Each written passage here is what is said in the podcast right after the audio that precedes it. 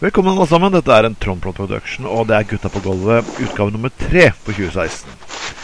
Og selvfølgelig har vi med oss to store gjester i dag også. Kim Runar Jens Gjelsten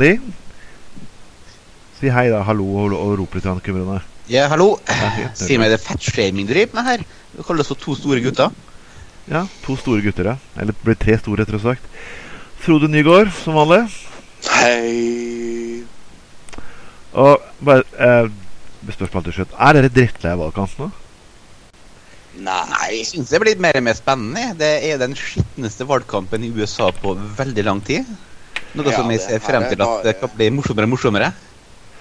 Jeg tror aldri opplevd en til valgkamp der til og med Carl Bernstein Carl Bernstein, han som var med og tok eh, Nixon Watergate, kaller en av kandidatene for neofascist. Da har du egentlig gått ganske langt.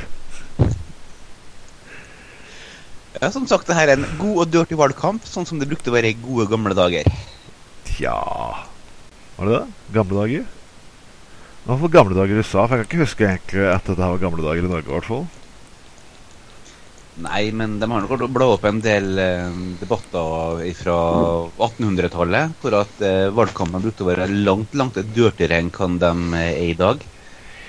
Ja, det var, det var jo den gangen man ikke hadde TV, hadde fjernsyn, da man kunne eventuelt arrestere de for faenskapen etter litt. Jeg, jeg husker 2000-valgkampen, da, da godeste Al Gore sa bare Han var så drittlei. Og det ble en stor skandale. Men så uh, tapte han kampen nå, da. Ja, han tapte kampen uh, takket være en viss Ralph Nader, og da fikk vi åtte år med Bush. Ja, ikke bare det. Det var en del ufine ting ved, ved opptelling av stemmene i Florida òg. Og I tillegg som du husker på at uh, han som tapte valgkampen, han faktisk uh, fikk flest stemmer. Pga. det valgmannssystemet de har i USA. Ja, de har valgmenn. Det var, det var et system man avskaffet i Norge tror jeg, i 1917. De hadde det samme systemet faktisk i Norge òg. Det Det er ganske, ganske utrolig, altså. Tenke seg altså, ja, Både tape valget og klare å bli president samtidig. Det er ganske godt gjort. Ja, for det går på det- valgmenn. det, en, det, det er en måte å telle antall valgmenn fra hver enkelt stat. Så det er en måte å telle antall totale stemmer. Det er ikke det mentale, antallet totale stemmer som betyr noe, det er antall valgmenn som du klarer å vinne for hver enkelt delstat. Men sånn er det med senater. Så alle statene har to senatorer. Men det er jo 15 stater i USA som har like mye stor, stor befolkning som Florida eller California til sammen. Allikevel har de sånn, til sammen 30 personer Det er derfor at de har House of Representatives til å, til å balansere den ujevnheten der. Og der kan man også gjøre litt triks. for å opplegge, endre valgkretsene sånn at de ser helt psycho ut. Som gjør at de kan slippe unna med å jukse der også. Noen av republikanerne faktisk har gjort de siste 20 årene. Lage valgkretser som egentlig er fullstendig merkelige. Republikanerne har gjort det i sør, mens demokratene har gjort det i nord. Så det, det er like dirty begge sider der. Burde vært en nasjonal lovgivning egentlig på dette siden det er et nasjonalvalg. skulle tro. Men nå, Så lenge det er de to partiene der som eh, styrer, som kontrollerer er parlamentet og presidentsembetet, og begge sider har ting å vinne på det her, så eh, Ja, det er de som må få eh, bukken til å passe på havresekken. Jeg- Begge sider har masse å vinne på det systemet der. jeg, jeg kunne le litt, for jeg, så, jeg ser alltid John Oliver. Jeg tipper dere begge to gjør det samme. Ja. Jeg, jeg, eh, Så i, I sist sending så sa han at man burde hatt et timeout for å bringe, bringe fram videobevis underveis. Og når Hilde kommenterte denne biten at vet du hva Du sto faktisk og gjorde narr av en handikap-person. Nei, jeg gjorde det ikke. Vel, eh, vel det videobeviset er rimelig klart. Hva er det? Det vil være omtrent som å ta en dopingtest på alle musikere. Det ville kommet til å få litt merkelige resultater, det òg. Ja, dopingtest det er som å ta cannabistest på alle snowboardkjørere, liksom. Det er jo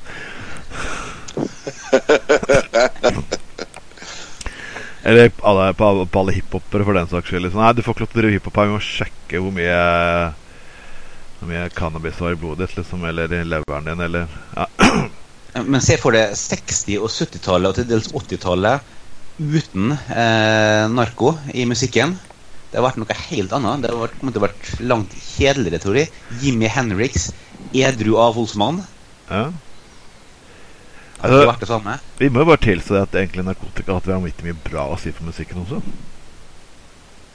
Kan du tenke deg Også masse positivt, masse negativt. Eh, Jeg er fremdeles sur for at eh, en god del folk har strøket med altfor tidlig pga. droger nå. Ja, altså Keith Richards, liksom. Jeg tenker Han er jo bare stort sett at han lever, men OK. Men er på Sublime, Nirvana Eller Nirvana var delvis eh, psykisk, delvis drugs, da, pluss ei hagle. Men Ja, uh, Jimmy Page overlevde jo faktisk. Uh, så hele, hele Stones har jo egentlig overlevd utenom Brian Jones. ja, og han ble egentlig drept. Nei, han uh, Selv om det er teorier rundt om han ble drept eller ikke. Det er en annen sak. Det er som det er en eh, tidligere vaktmester som senere tilsto drapet, da. Å? Ja, som eh, hadde drukna i badebassenget. Ok. Nei, det jo hadde jo vært en interessant film som ikke, ikke laget. Men nå når alle tre debattene har vært altså Det det er én uke igjen av, av denne valgkampen. Jeg, jeg stiller det store spørsmålet hvor, hvor stor dobbel at jeg, jeg kommer ned til jeg bare, punkt, at dette her dreier seg jo egentlig om at Hillary er kvinne, og ikke noe annet. For når jeg begynner å se rullebladene til ulike kandidatene altså, At Hillary har slettet e-poster, ja, det gjorde Bush 1,5 millioner. At har støttet krigen, noe som alle andre presidentkandidater på republikansk side har gjort, til å være problem. Og det faktum at ja, det er sånn At hun er en hardliner, noe som stort sett alle presidentkandidater i USA stort sett har vært siden tidlig morgen. Ikke bare en hardliner, en skikkelig hauk, og det er hun fremdeles. For uh, det var hun som var med på å presse frem krigen i, i, Lib i Libya i sin tid. Og i tillegg så var hun ganske hardt inne med støtte på det kuppet i Guatemala, ja. Honduras. Og eh, i tillegg så har hun vært eh, veldig aktiv pådriver for krigen både i Afghanistan og eh, i Irak. Og eh, hun har en ganske hard linje overfor Russland, som eh, kan fort føre til ganske skumle ting hvis folk begynner å skyte på hverandre i eh, Syria nå. Som ikke Så, kommer til eh, så, så det, det har vært- flere, bl.a. Lurås fra Prio, han har vært ute og sagt at eh, det vil være en katastrofe for verdensfreden eh, hvis at Hillary Clinton eh, blir eh, president i USA. Så der har faktisk en del fredsforskere som har gått ut og sagt at eh, Trump er uforutsigbar, men det er mer bedre å ha en totalt uforutsigbar person som kan påvirkes, fremfor en hauk som har vært aktiv pådriver for krigføring i Iallfall de siste 20-25 jo, årene. det, det samme hørte man om Ronald Reagan også, og det, det så ut til å gå- ganske greit. Altså, jeg, jeg, jeg, jeg klarer ikke den biten. Så klart, at, så klart at russerne vil ha en liten person de kan styre, mot en person som stiller hardt mot hardt. Men så Russland respekterer ofte makt, de respekterer ikke ungivenhet. Det er jo stort sett noe man kan fort si. Så liksom, Ta den fredsgreiene fra norsk perspektiv, og så til å tro at det fungerer i den normale verden, der russerne er en part på, på den måten vi tror de er. Jeg tror ikke det helt funker på, på den måten her. Okay. Men Det trengs to personer til å danse tango, og USA har faktisk vært atskillig mer aggressive med sin ekspansjon de siste 20 årene. Du ser hvor omringa Russland har blitt eh, av fiendtlige stater siden den kalde krigen. Og dette rakettskjoldet det er tydelig retta inn mot eh, Russland og ikke mot Irak, som uh, verken har teknologi eller uh, vilje til å starte noe tredje verdenskrig. Å, Og men klin hakke gæren er de ikke. Russland kan ikke gi skylden på alle disse idiotiske der diktaturlovene sine på at USA ombringet til. Det, blir- det, blir- det, den, holder faktisk ikke. De kan ikke det som på de påstått går inn i heller. Det, det, Ukraina. er De ikke, kan, det er ikke USA sin skyld at de har begynt å undertrykke homsene så jævlig. Det, at, de, at de driver på å bombe sykehus og sivile faktiske liv her. Altså, du kan ikke komme og fortelle om at det er amerikanerne sin skyld. Seriøst. Altså, det er egentlig kan man si det. For Nei, du ser at, kan du, du, du ser at krigføringa som føres i sør, i Irak, som er amerikansk støtta, og den krigføringa som er i nord, som er, US, eh, som er russisk støtta, den er ganske lik. Det er bare at media har fremstilt det veldig f forskjellig. Og når du ser på hvordan situasjonen var under Saddam Hussein, så var Al Qaida en 20-30 personer uten noe særlig støtte.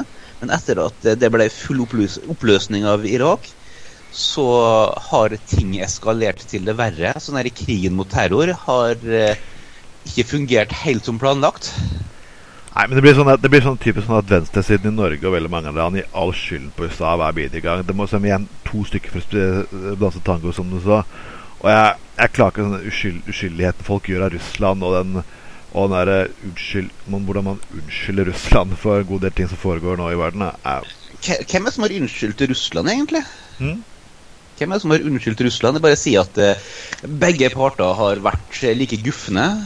Og det, når det gjelder radikaliseringa som har vært eh, særlig i eh, den eh, østre del av Midtøsten, så har det faktisk vært pakistansk etterretning som har vært atskillig mer aggressiv med å sponse folk tidligere. Og nå er det Saudi-Arabia som er, har vært veldig dyktig på å, å sponse terrorgrupper i eh, Irak og i, eh, i Syria, ikke USA.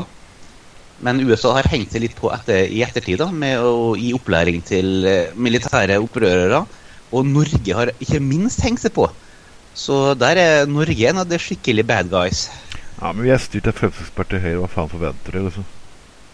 Det var ikke særlig bedre når det gjaldt utenrikspolitikk under Arbeiderpartistyret heller. Er faktisk eh, et hakk verre, egentlig. Men når vi er inne på Russland her, så har vi faktisk en liten nyhet. Vi har sett Steven Segal har blitt russisk statsborger. Jeg har ikke fått med meg. Jippi! Ja. Jeg bare, men jeg, jeg, jeg leser en sak der i flere aviser, men bare TV2 klarer å beskrive den på en fin måte. De skriver 'Hollywood-legende'.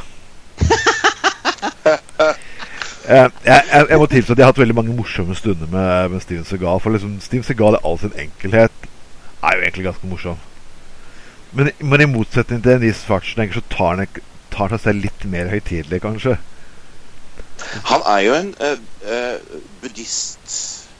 Uh, og har jo liksom vært veldig sånn derre Han har jo Han var jo ute for noen Et år siden eller noe sånt. Nå var det veldig sånn derre Ja, nå må vi ha fred i verden og i det hele tatt. Han er jo veldig sånn Det er litt merkelig, men, men, men han, han, han sier iallfall at han er en fredens mann. Ja, han har jo hatt det der, eh, Han har jo hatt et sånn eh, reality-show der han går rundt med gunner og leker politimann òg. Er det ikke det? Jeg vet ikke om akkurat det. Jo, jo. Ja, hvis du ser det på de filmene han har lagd de siste 30 årene, Ja. så har han jo predikert eh, fred og fortrolighet og kjærlighet Nei, det har han ikke. Nei, han har ikke akkurat det, nei. Vi så ikke, vi- får, jeg tror ikke vi får han i oppfølgeren til Love Actually, blant annet. Ikke si det. Folk har lagd merkeligere ting før. Ja, Ingen hadde forventa at det var Arnold Schwarzenegger skulle spille i junior heller. Og det var forferdelig. det var, for- det var helt grusomt. Altså, vi har bare Jason Statham igjen, som hvis ikke han også da svikter uh, Jason Statham altså, Jason Statham kan bare spille Jason Statham, det vet vi alle. Ja, han er en veldig endimensjonal skuespiller, men den ene rolla han kan, Ja. spiller han veldig godt. Ja, det gjør det. Han er veldig flink til å spille seg sjøl. Ja. Og det er jo egentlig ganske underholdende. Absolutt. Det var jo som Jeg Roger er Moore sin veldig er veldig fan av eh, Jason Statham. Oh, ja, ja, ja, ja, jeg er kjempefan av det. Altså, Jason Statham-film, og jeg vet jeg skal ha en actionkveld hjemme, så er Jason Statham leverer varene hver video gang. Han. Det er veldig sjelden Ja, ja. han får en skikkelig ræva film som jeg egentlig kjeder meg på. Jeg har egentlig stort sett alltid blitt underholdt av å se på filmene hans. Crank, for eksempel, er jo en fantastisk undervurdert film. Igjen, det er bare to filmer. Ja, det er to. Oppfølgeren er like bra, og det har vært lenge riktig om det skal bygges en eh, tredje film. Det kan bli morsomt, for ok, eh, etter eneren som overlevde han etter et eh, langt fall.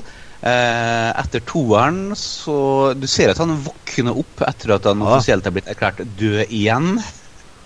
Det, Han er, han er rå, råere enn kan eh, Jason fra fredag den 13. ja, han er, han er faktisk Det bedre. tilfeldig at de har samme fornavn. Nei, jeg, jeg, jeg, jeg syns de filmene der er fantastiske. Jeg, jeg, de må nesten få en treer. Men det ryktes at han har lyst til å spille James Bond, noe jeg tror ikke kommer til å skje.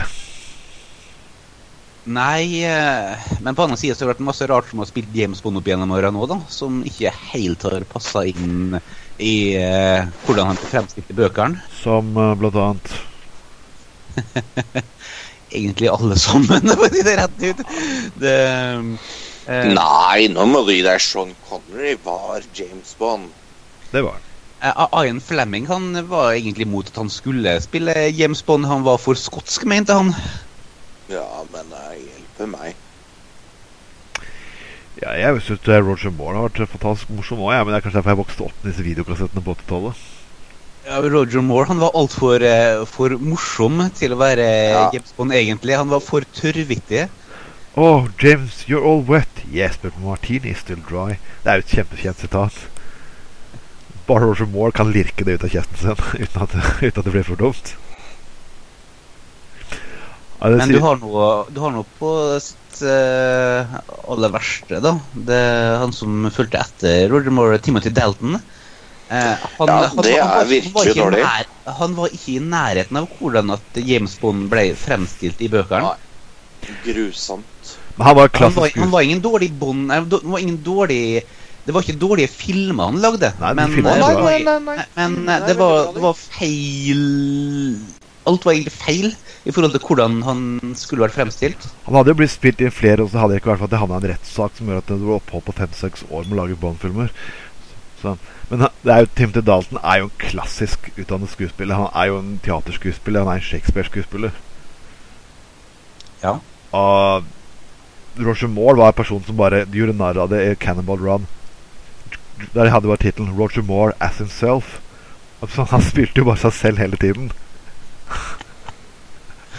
Den eh, eneste James Bond-filmen som faktisk var på grense dårlig, var den med Pierce Brosnan på slutten der. Hvor det var tydelig at de bare melka ei død ku. Ja, Men det var ikke pga. Pierce Brosnan, det var pga. at manusene sugde ass. Ja, så de klarte endelig å få gjenoppliva serien når Daniel Craig tok over. For uh, i uh, 92-96 så var den serien uh, nær døden, for å si det rett ut. Ja, det var egentlig snakk om at han, han, sk- han godeste Daniel Craig skulle uh, Ja, det var rett. Pierce Brosnan skulle egentlig tatt over øh, før også. Men han satt Ja, det var, eh, han var den han skulle ta over med, før at Timothy Dalton eh, tok over. Ja. Men han var opphengt i den der, eh, Remington Remington-stil-TV-serien. Som også sugde noe jævlig, men det er en helt annen sak.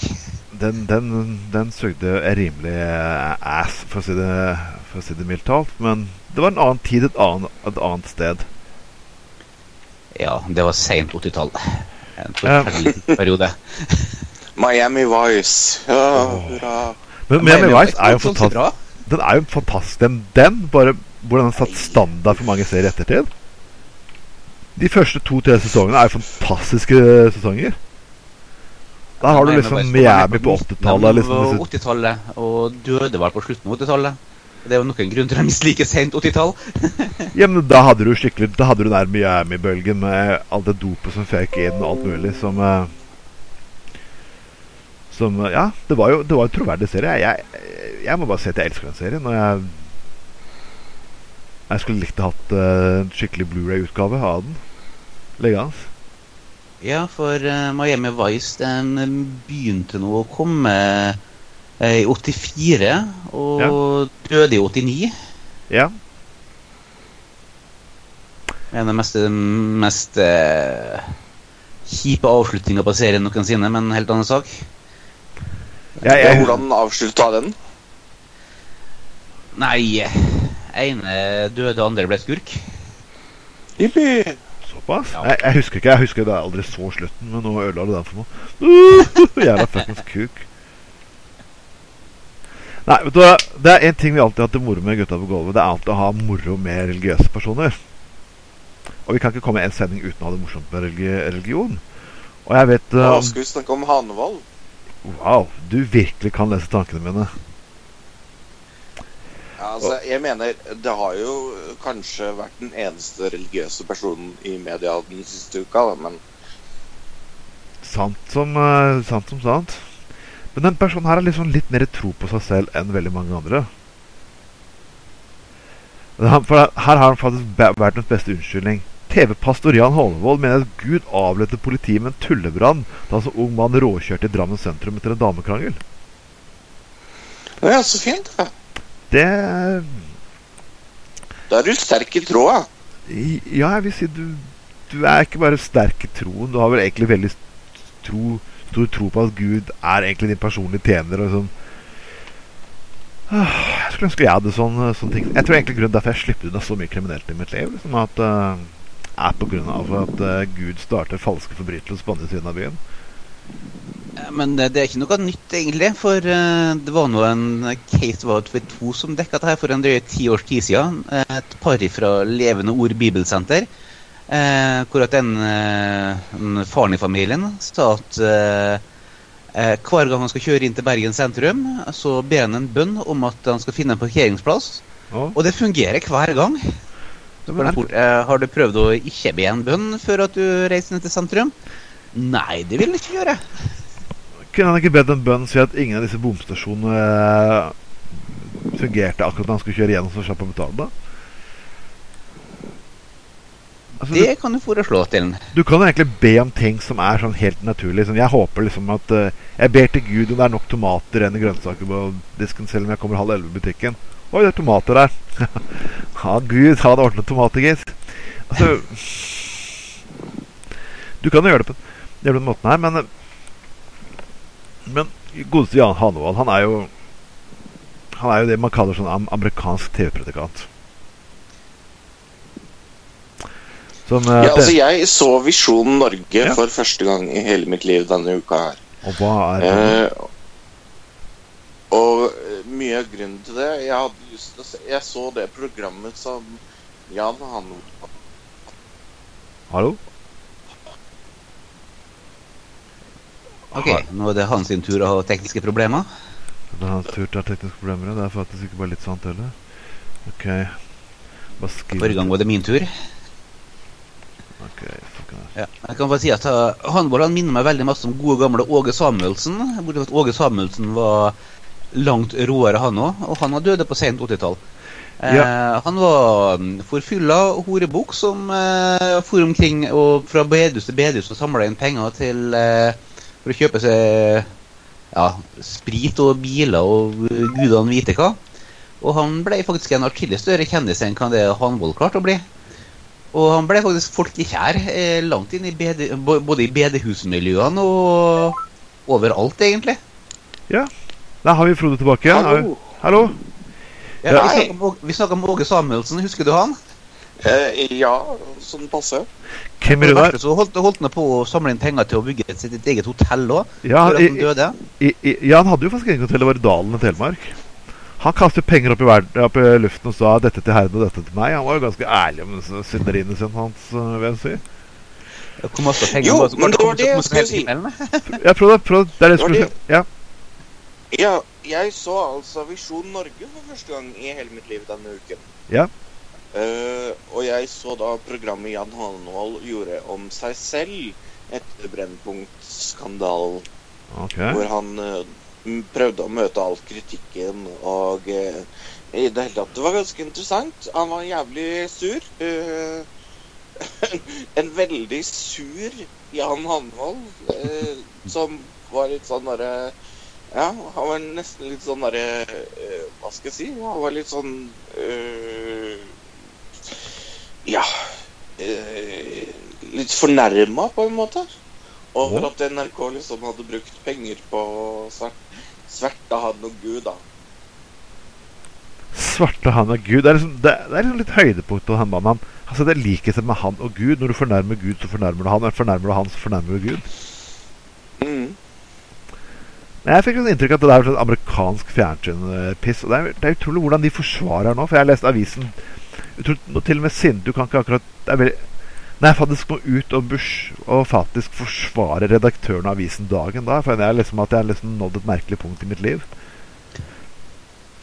Men eh, Sellebekk hadde hadde jo gått kraftig imot dette her. Og da hadde jo Hanevold brukt det faktum at det var mora eller best, bestemoren hans som hadde flyktet fra DDR. Og begynte å lage koblinger der. Ja vel. Du kan beskylde Selbekk for veldig mye, men det tilhører en hemmelig DDR-celle i Norge er vel kanskje akkurat det siste.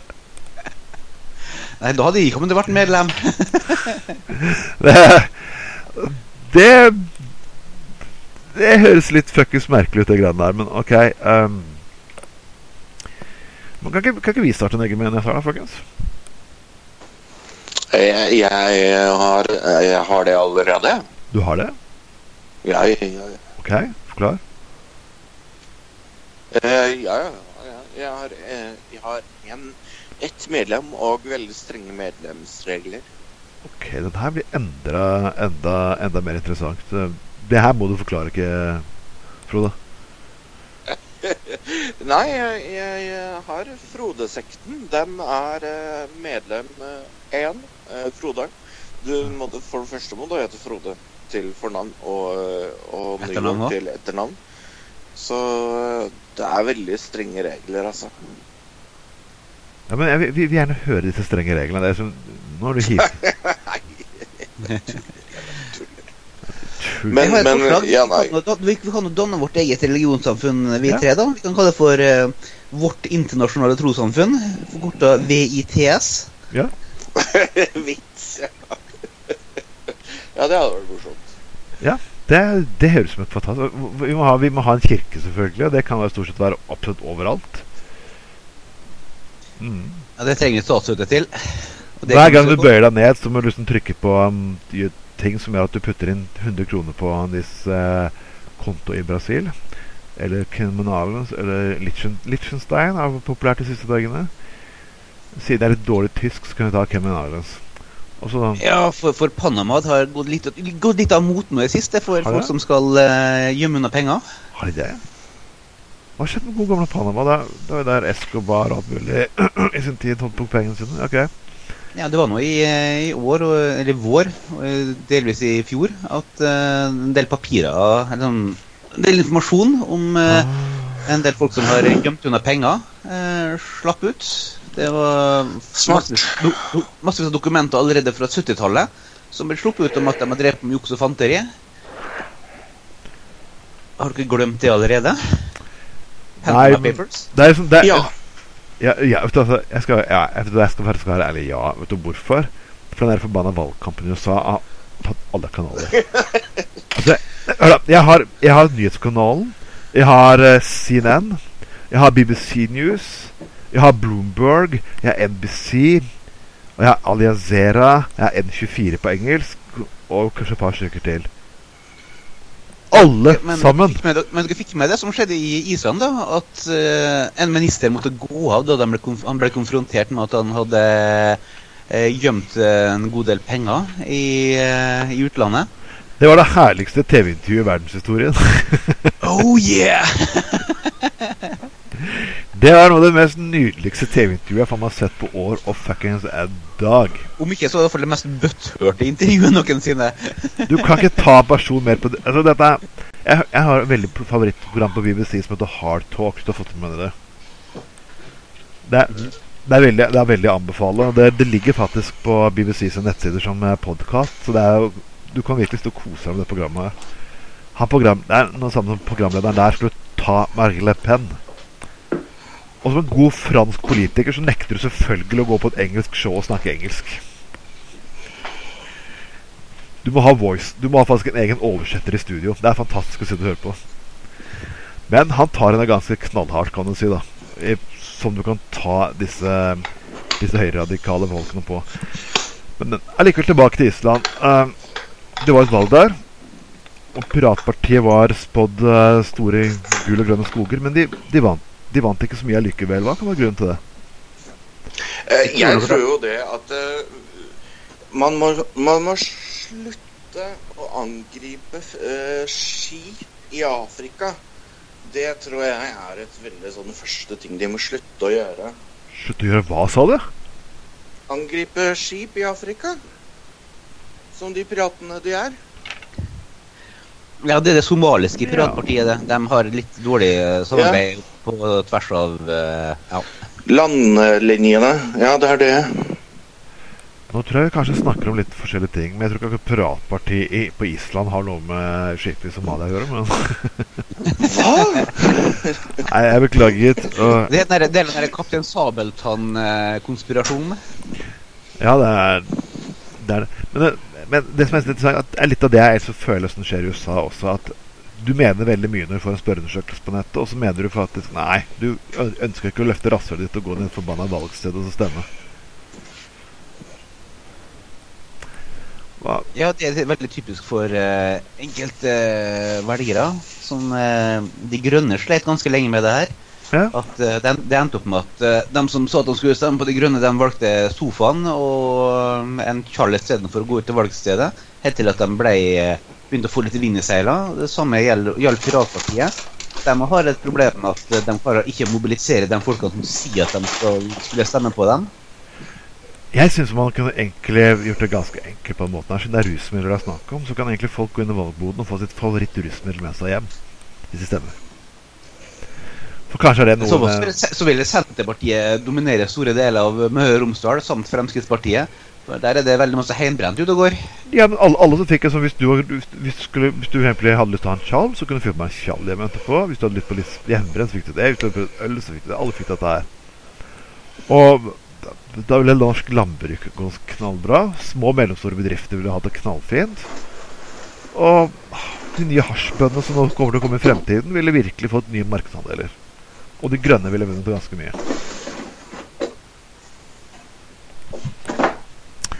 Men uh, det, er, det, er som, det er liksom bare, bare en tanke her. For eh, bare, bare en tanke mens Frode sitter og rydder i bakgrunnen. Hva, jeg prøver å lete etter noe jeg ikke finner. Men hvert fall Piratpartiet gjorde det noe betydelig dårligere enn hva han forventa. De ble, ble eh, nest størst, eh, tror jeg. Nest størst, ja. Jeg har ikke eh, på tallene foran meg nå. Det burde jeg gjort. Eh, men jeg skal forlate Piratpartiet, for jeg har lyst til å ta en annen ting. Og det har vært veldig mye snakk om dette her de siste ukene. Men jeg, jeg, jeg skulle kanskje ha snakket om det her før. Men det er mannegruppen Ottar igjen. Og ja. Mannegruppen Ottar. Det er en ting jeg savner. Det er at eh, Herreforeningen Victoria bør gjennomstå istedenfor. Herreforeningen Victoria? Ja. Eh, dem, eh, det var et motsvar til kvinnegruppa Ottar med, med, med bergensrøtter. Vi begynner å snakke om en 12-13 år siden. Som ville gå inn for å Som, som et motsvar, da. Ja, ok. Og promotere viktorianske verdier. Det høres ikke spesielt hyggelig ut. Det var et ganske kortlevd prosjekt. Det var egentlig et køddeprosjekt av noen folk som vi kjenner, som uh, egentlig bare ville provosere. Og det funka som bare juling, det. Bak De, eh, viktorianske De verdier. å, det, ja, de prøvde å De skrev ikke bare BT eller BA, til uh, leserinnlegg. Hvor de påstod at de var Herreforeningen Victoria, som reagerte på kvinnegruppa Ottar. Og skulle prøve å få til en samling på uh, ved, ved Sundhuset, eller Den blå steinen. Ja. Resultatet var at de to gutta som sto bak der, de uh, seg på motsatt side, da, på en uh, utepub, eh, og drakk øl. Men de så at uh, RU og kvinnegruppa Ottar og en del andre samla seg der eh, for å ha en motmarkering. Og de to gutta de bare satt der og drakk øl og hadde det moro. Som jeg var en tredjemann som satt der. Hvor jeg kjente de gutta der ganske godt. Og så at de hadde At Ottar og Rød Ungdom hadde det kjempemoro med at de Yes, det var ingen som stilte imot oss! Woo, full seier! ja. Det er morsomt å trolle folk som ikke skjønner at de blir trolla. Altså, det er jo egentlig veldig lett å trolle folk også, men det er jo, så, altså, det er jo ekstremt enkelt å beskylde folk for trolling i politiske debatter også. For undertegnede har faktisk fått en, uh, fått en liten merkelig gruppe på, på nakken de siste ukene. Nemlig folk fra rusinstitusjonen Retretten. Hvem? Er, ja, det er, det er et veldig fint, uh, fint tiltak som drives, og hjelper tidligere rusmisbrukere og lignende hans. Og i den, i, på retretten så er det ha, de har ofte drevet med henviste institusjoner som driver med hva heter det, hva heter det, stikker nåler i antiktur og lignende hans. Og det er en person på nettet som har skrevet en kritisk artikkel om det, en som heter Kasper. Og noen påstår da at jeg og han er den samme personen. Fordi jeg har skrevet et innlegg om legalisering av cannabis i Østfold Blad, som har mye av de samme argumentene. Ok, det her var veldig spesielt. Jeg prøvde å forklare den personen på retretten, si at jeg, jeg beklager, men jeg er ikke den mannen. Jeg, jeg er ikke din bud. du skulle være ganske lett å google det opp, i alle fall. Si at du er en reell person. Du vet, Jeg pleier stort sett å skrive ting under mitt eget navn, så Men de, de, tvi, de tviholder på det, selv om Kasper måtte gå inn og fortelle at meg og han ikke er en og samme person, og vi ikke er simesiske tvillinger. Semitiske tvillinger, men det ser de fortsatt ikke ut til å tro. Og når jeg spurte hvorfor han holdt på på den måten her, var at sånne typiske cannabisinnlegg som meg betydde at jeg drev på og trollet. Det er sånn, helt fantastisk. Så man kan drive på og trolle uten at man vet at man troller. Og trolling gjør man stort sett når man ber folk om å svare på fakta. Men uh, ok.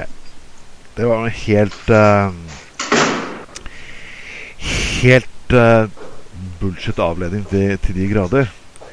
Ja, For, som det kan ligne skjedde med meg under globaliseringskonferansen nå okay. som var i helga. Okay. Som er den store konferansen for folk på, på norsk venstreside. Det var et kjempebra oppmøte. Jeg har ikke noe tall. Nei. Men uh, globaliseringskonferansen, den norske versjonen av uh, nære Norway Social Forum, ja. det var nå sist helg. Og på et av møtene, det var 'Hvem skal eie Norge?' Da kjente jeg det to av de tre som satt i panelet. Og det øyeblikket hvor de kom inn, da, før at debatten begynte, så begynte de å rope 'Hei, Kim Runar, der er du òg!' Så kom her. Begynte å invitere dem opp til å sitte på panelet. Jeg var ikke forberedt. Så, jeg, så bare Nei, nei, nei, nei, nei, nei ikke aktuelt. Okay. Så eh, det, det tross for at jeg er en utrolig obskur person, så er det tydelig at folk som ikke har møtt meg på flere år, eh, fremdeles husker meg veldig godt. Ja, av og til så er det der ganske fascinerende. Uh, takk at du ble invitert til å sitte i paneler. Uh, det ender bare at jeg fucker opp. Men vi kan jo selvfølgelig ikke ha en ny sending uten å snakke om Fremskrittspartiet heller. Vi kan jo ikke det. Ah, herlig. Frode, er du der? Tror du han klarte å rydde seg sjøl vekk? Jeg tror han klarte å rydde seg selv vekk, ja. Det tror jeg faktisk han klarte å gjøre. Uh, nei, Sylvi Listhaug Hun og ja, Det er liksom her Badenym fra, fra Middelhavet? Der Listhaug vil ha mer gris i norske fengsler. Vi kan ikke slutte å servere svin fordi det er flyttet muslimer til Norge.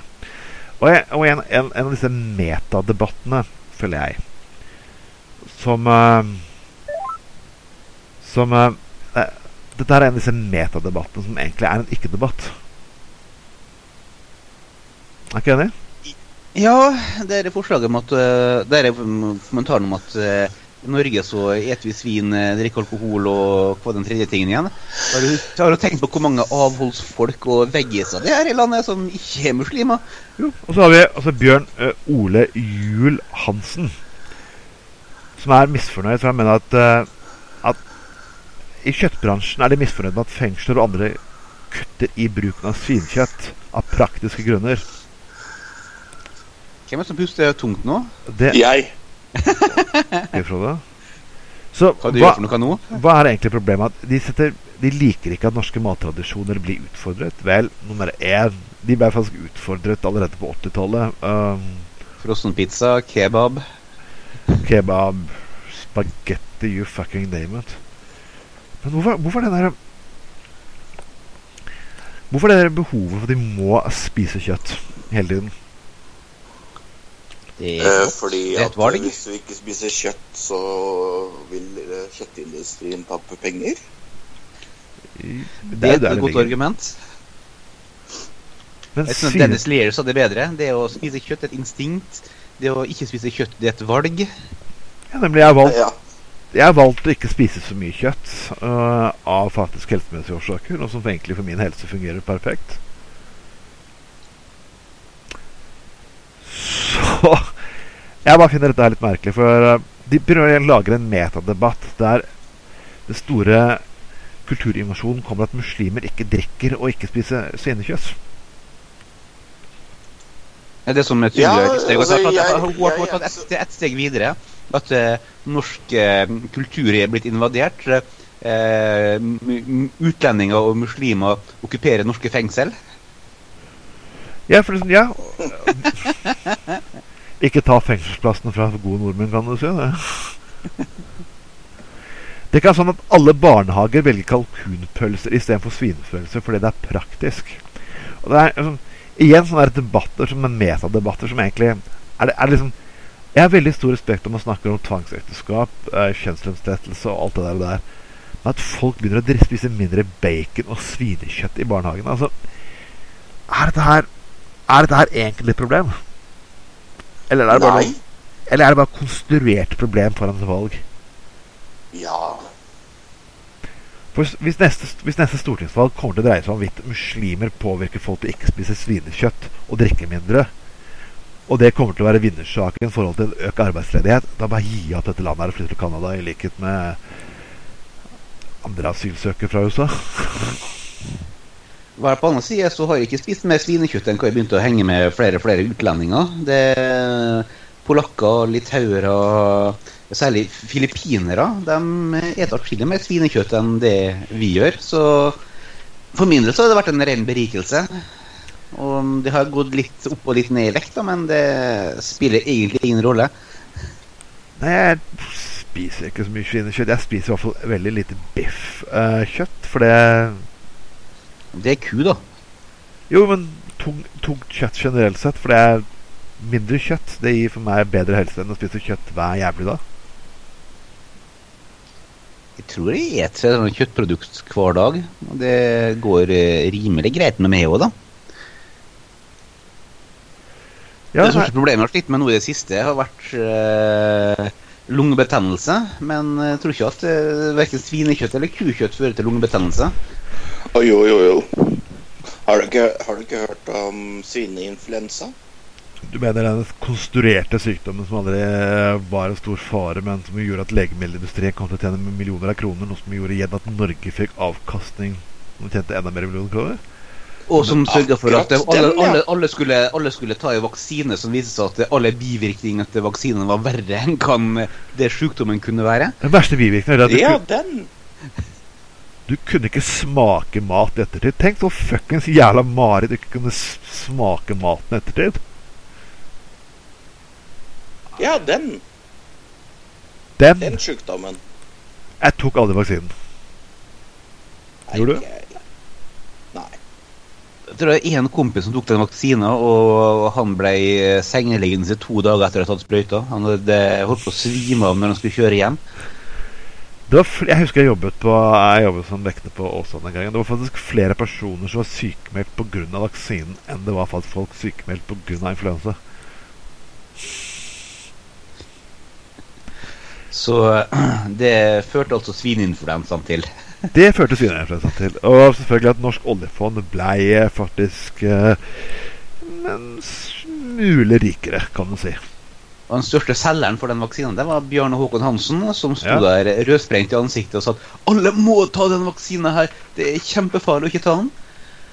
Og hva skjedde med han? Jo, han gikk inn i PR-bransjen. I like med Carl Schjøtt Pedersen som jobber for oljebransjen. Så det er til Arbeiderpartifolk er alltid greie å ha på alle sider av alle, alle, alle sider av spørsmålet. Men det var litt Sylvi Ja, Listhaug Stolten, Stoltenberg som ble uh, sjef for Nato. Det er sånn, hva faen, det er sånn En uh, fyr som jeg kjenner fra, opprinnelig fra Tromsø, som eh, bodde i Bergen. Som var uh, RU-er i Bergen Ja. i sin tid, for ti år siden.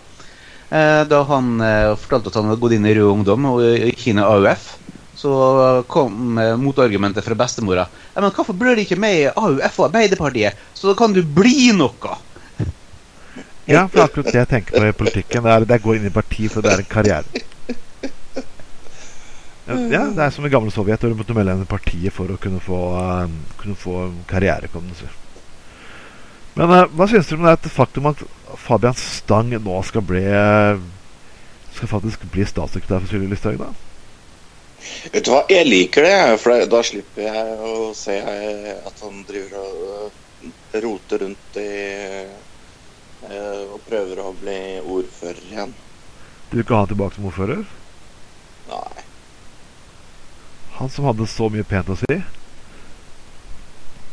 Han skal jo prøve å få mer anstendighet og mer toleranse inn i likestillingsdebatten, da. Ja. Eh, og det gjør han ved å bli statssekretær og jobbe for Sylvi Listhaug. Jeg tror at han har misforstått litt. Jeg tror ikke han har lest avisa på en god stund. Det er liksom som at Eller eh, lest Frp sitt partiprogram. for den saks. Det var liksom sånn som Churchill satset på. Hvis han gjorde, gode avtaler med Stalin, så skal Stalin bli litt mer human. Jeg, jeg tror ikke akkurat han lykkes veldig godt med akkurat det. Jeg tror at du kan ta Neville Chamberlain som et bedre eksempel. Da hvor han eh, vifter med papir og sa at eh, han lovte Ja. 'peace in our time'. Ja, det er jo sånn uh, det, det, det, det, det funket det, det funket ikke spesielt godt. Nei, det er sånn der kanin som oppsøkte slangen for å øh, ødelegge han fra innsida.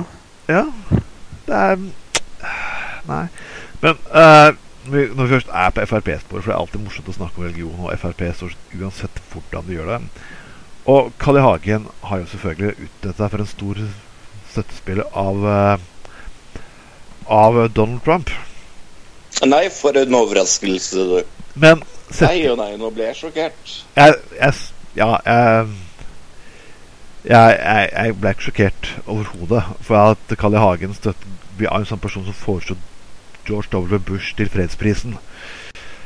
Så vi burde ikke så veldig overrasket. Men han sa at Donald Trump ligner på meg, og da tenkte jeg OK, er det noen som har et tape her? Er det noe som har griseprat-tape med Carl I. Hagen på? Oh, det ville jeg betalt penger for å høre. Og det utlover vi en belønning her. Eh, Vi kan snakke om noen tusenlapper faktisk hvis noen klarer å finne en sånn tape der Carl I. Hagen tar og kommer med lignende uttalelser som Donald Trump når det gjelder 'grab them by the pussy' og at han eh, skal likt å um, Ta- date sin egen datter. fitta! Hvis noen klarer å finne et slikt tape, så er det faktisk belønning og der ute vanker, altså. Jeg betaler gjerne noen tusenlapper for en sånn tape.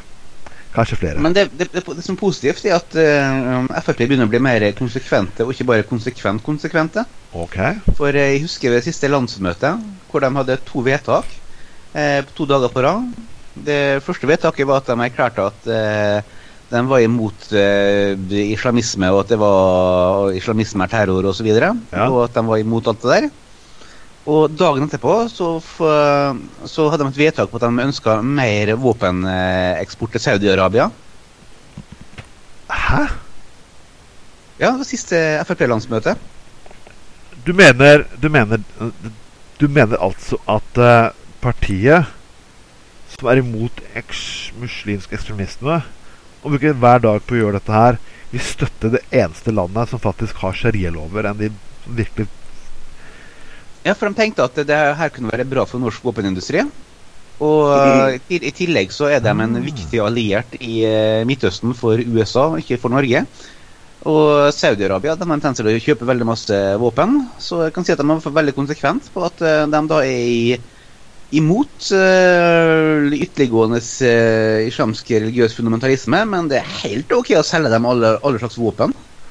Det er ingen problem. Ok. Så, og med tanke på at, eh, har, at eh, Eller folk langt oppe i saudiarabiske hierarkiet har vært med på å eh, gi penger og våpen til IS i Irak og Syria. Og samtidig så sender Norge soldater for å trene opp andre militante islamister til å slåss imot IS.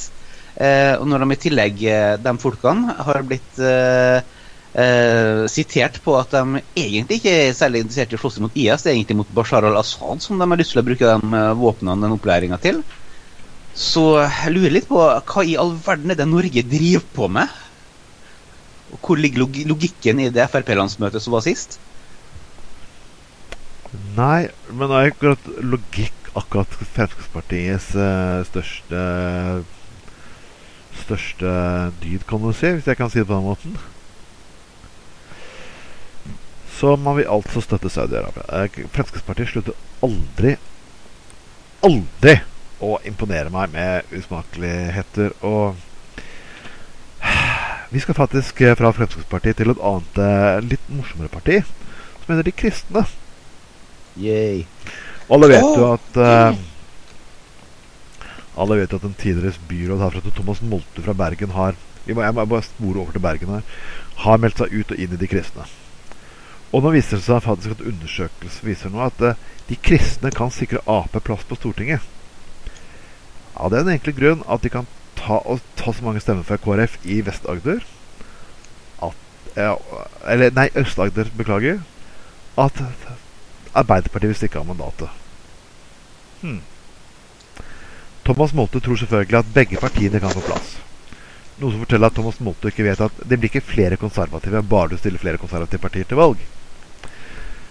Så jeg vil bare si den nyheten her, for denne her er eh, Det var en veldig god nyhet, ikke sant? Jo.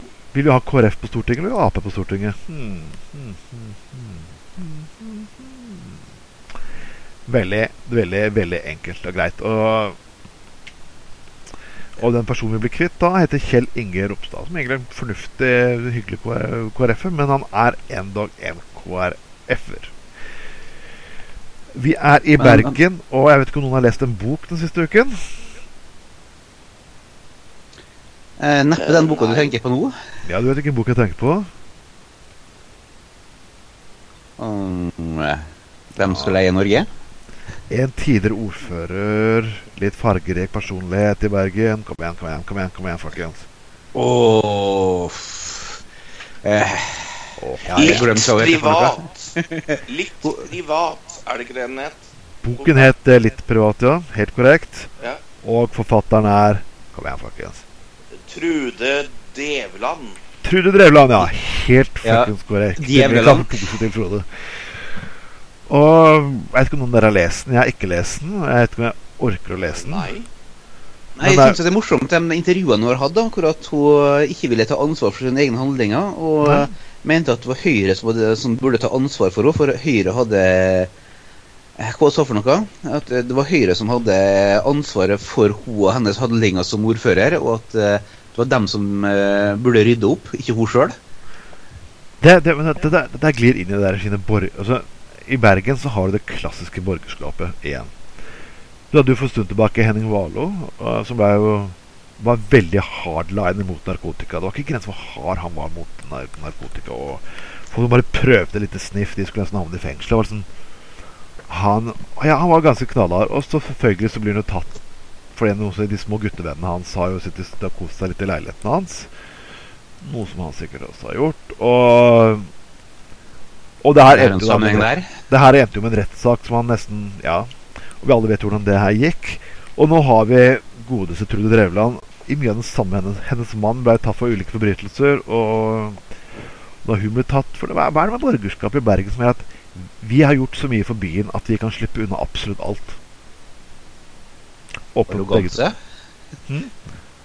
Bergens arroganse pluss høyre, eh, nei, klassiske høyrearrogansen. Hvis du legger dem til sammen, så blir det liksom 100% pluss 100 Mm, Frode, har du noen idé på det? Nei. Kort og kontant. Nei, for jeg Nei, men jeg har jo ikke det. Jeg har, har ikke noe formening om det. Jeg syns jo den hele saken er litt trist. Jeg, jeg syns litt synd på Trude. Ok, hvordan da? Nei, jeg mener altså Å drite i buksa på offentlig Altså i offentlig form, det er jo aldri noe moro, det. Det var nå lønnsomt så lenge det varte, da. Det var sikkert veldig gøy òg.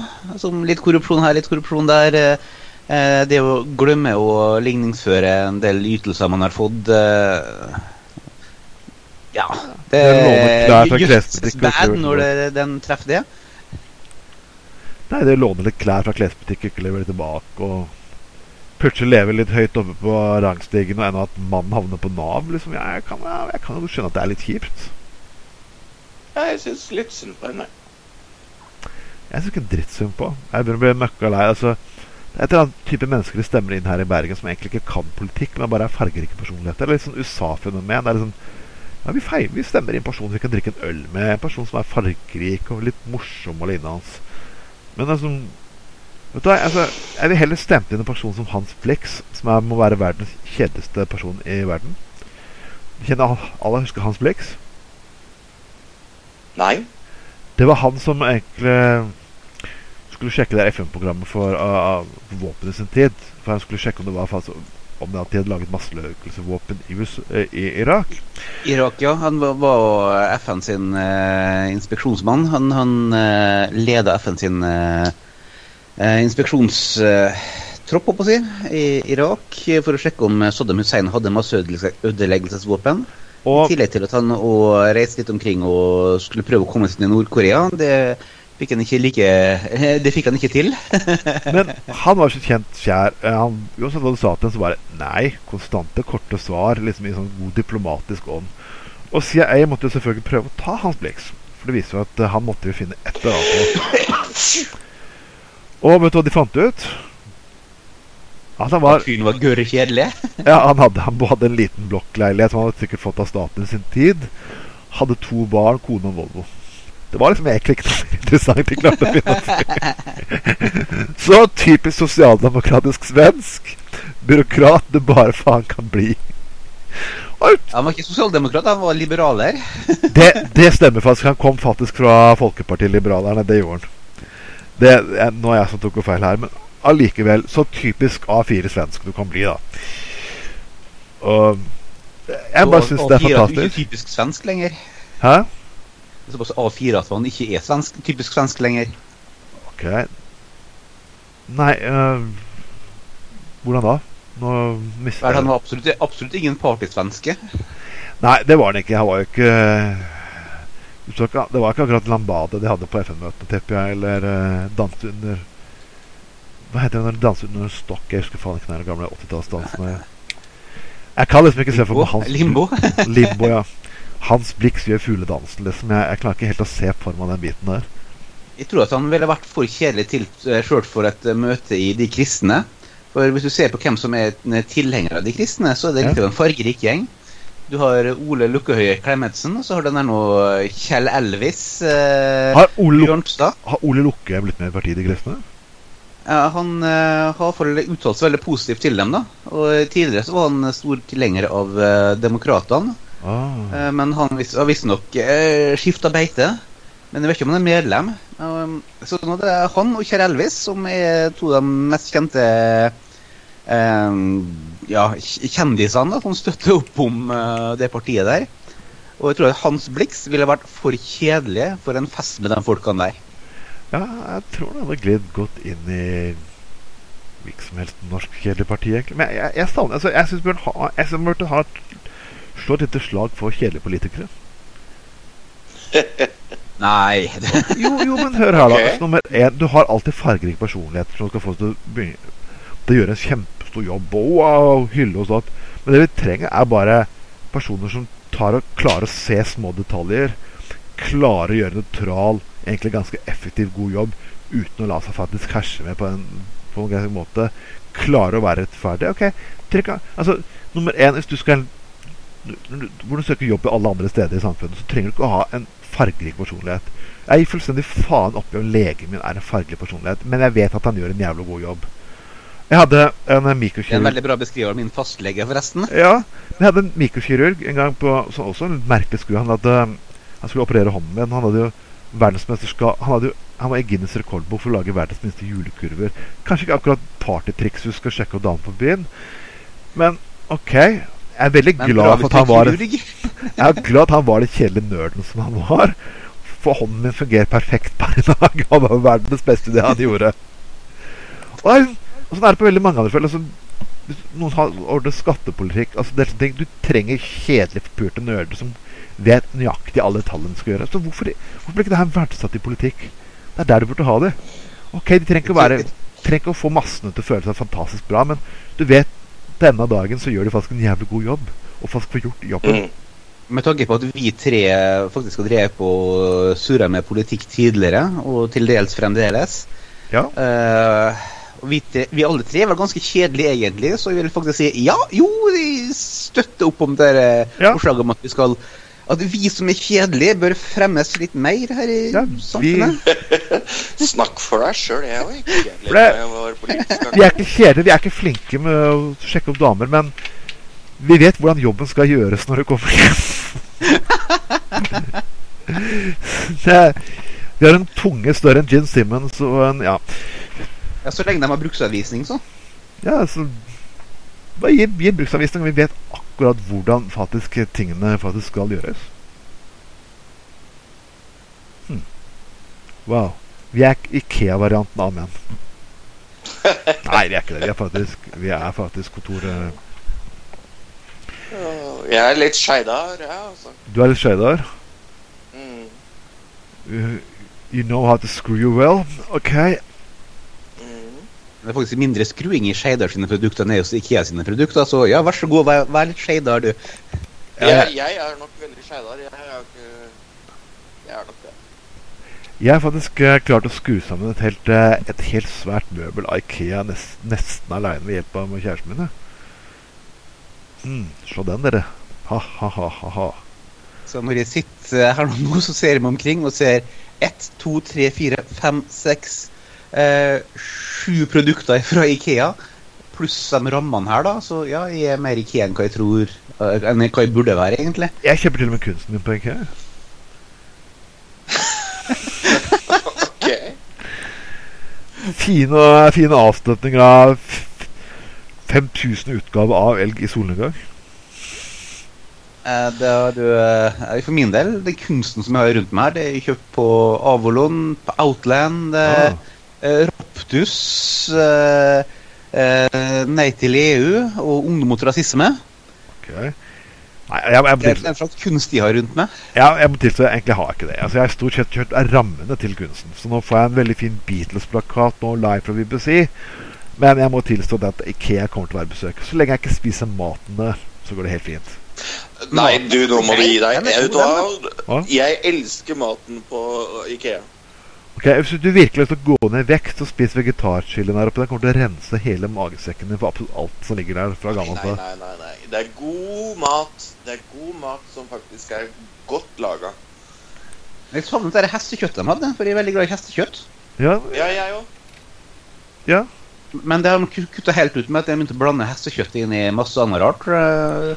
Men kanskje det var det som gjorde at den maten faktisk smakte ganske godt. Jeg har ikke noe mot å spise hestekjøtt. Vi spiser jo, vi spiser jo grisekjøtt. Vi spiser jo alt mulig annet kjøtt. Hva er problemet med å spise hest? Uh, det vet jeg. Det er fordi at vi har mest lyst til å vedde på den og ikke spise den. Ja. Vi kan, vi kan vedde på hvem som klarer å spise hesten først. Ikke helt det samme, tror jeg. ja, nei, vi kan få en ny variant av hestepølse, men okay, nei, ja, nei skal vi da Vi Din skal hestkuk. Hestkuk, ja.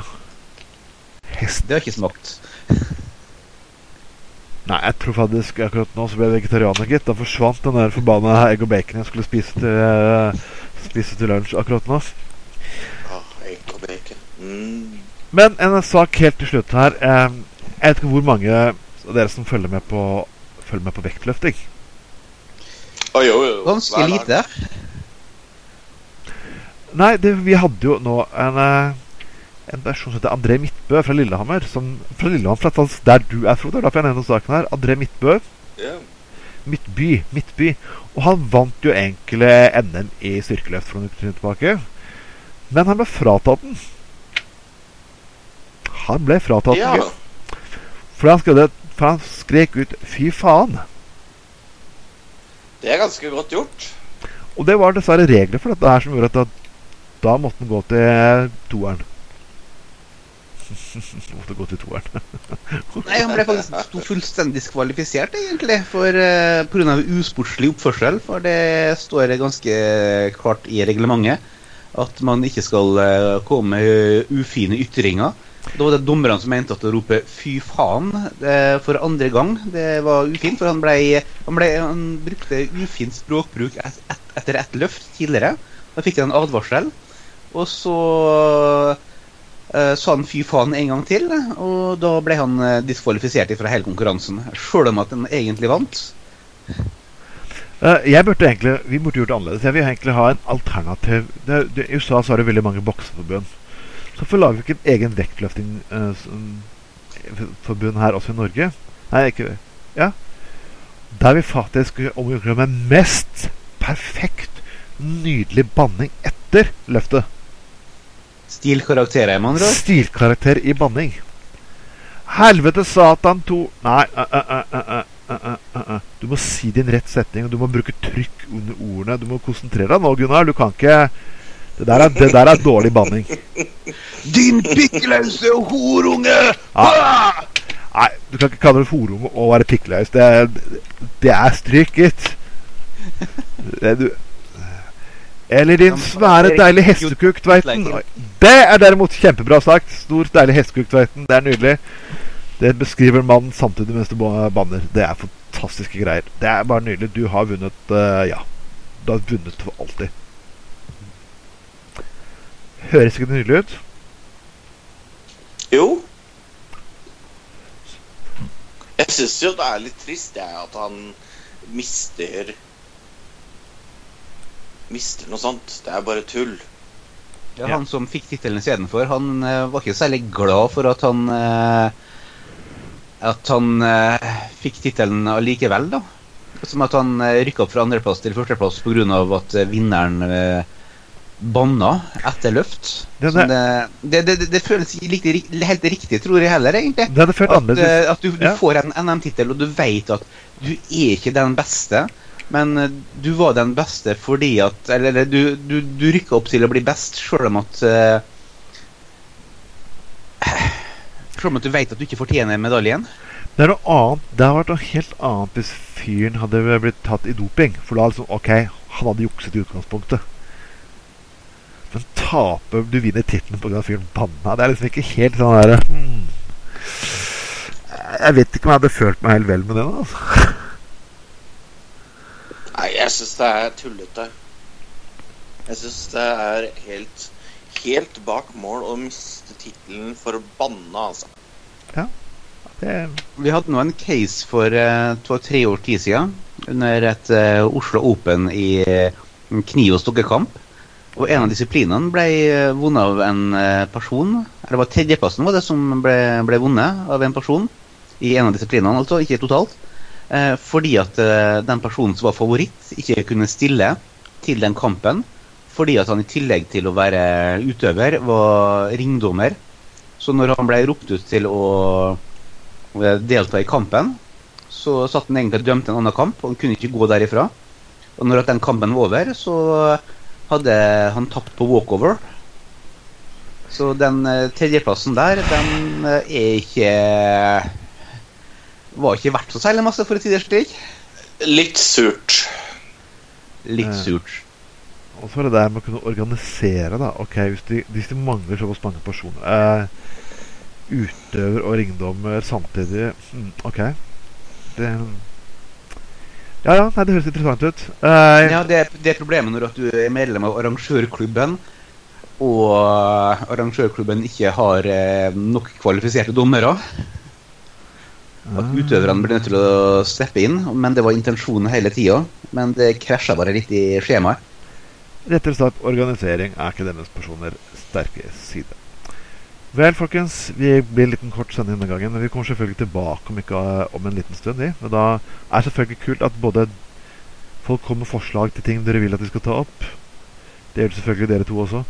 Uh, er det noe helt til slutt du vil uh, skryte av og si og pro pro pro proklamere? Frode først. Du vet at du har alltid noe å proklamere?